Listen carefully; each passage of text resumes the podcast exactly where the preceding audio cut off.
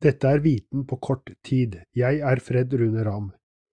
Én gangs bruk av cannabis kan utløse psykose og andre psykiatriske sykdommer. Dette kommer fram i en metastudie publisert i The Lancet i mars i år. 15 studier med akutt tilførsel av THC og fire studier der det i tillegg var CBD, inngikk i oversikten. Studiene, med inkludert CBD, var for få til å danne et tilstrekkelig datagrunnlag, slik at disse ble vurdert samlet i det som heter en review. Felles for alle studiene var at forsøkspersonene på forhånd var friske uten en historie med psykiatrisk sykdom, og der kontrollgruppene fikk placebo.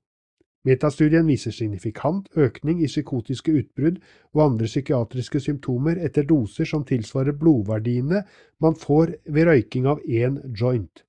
Positive symptomer var mer vanlige enn negative symptomer.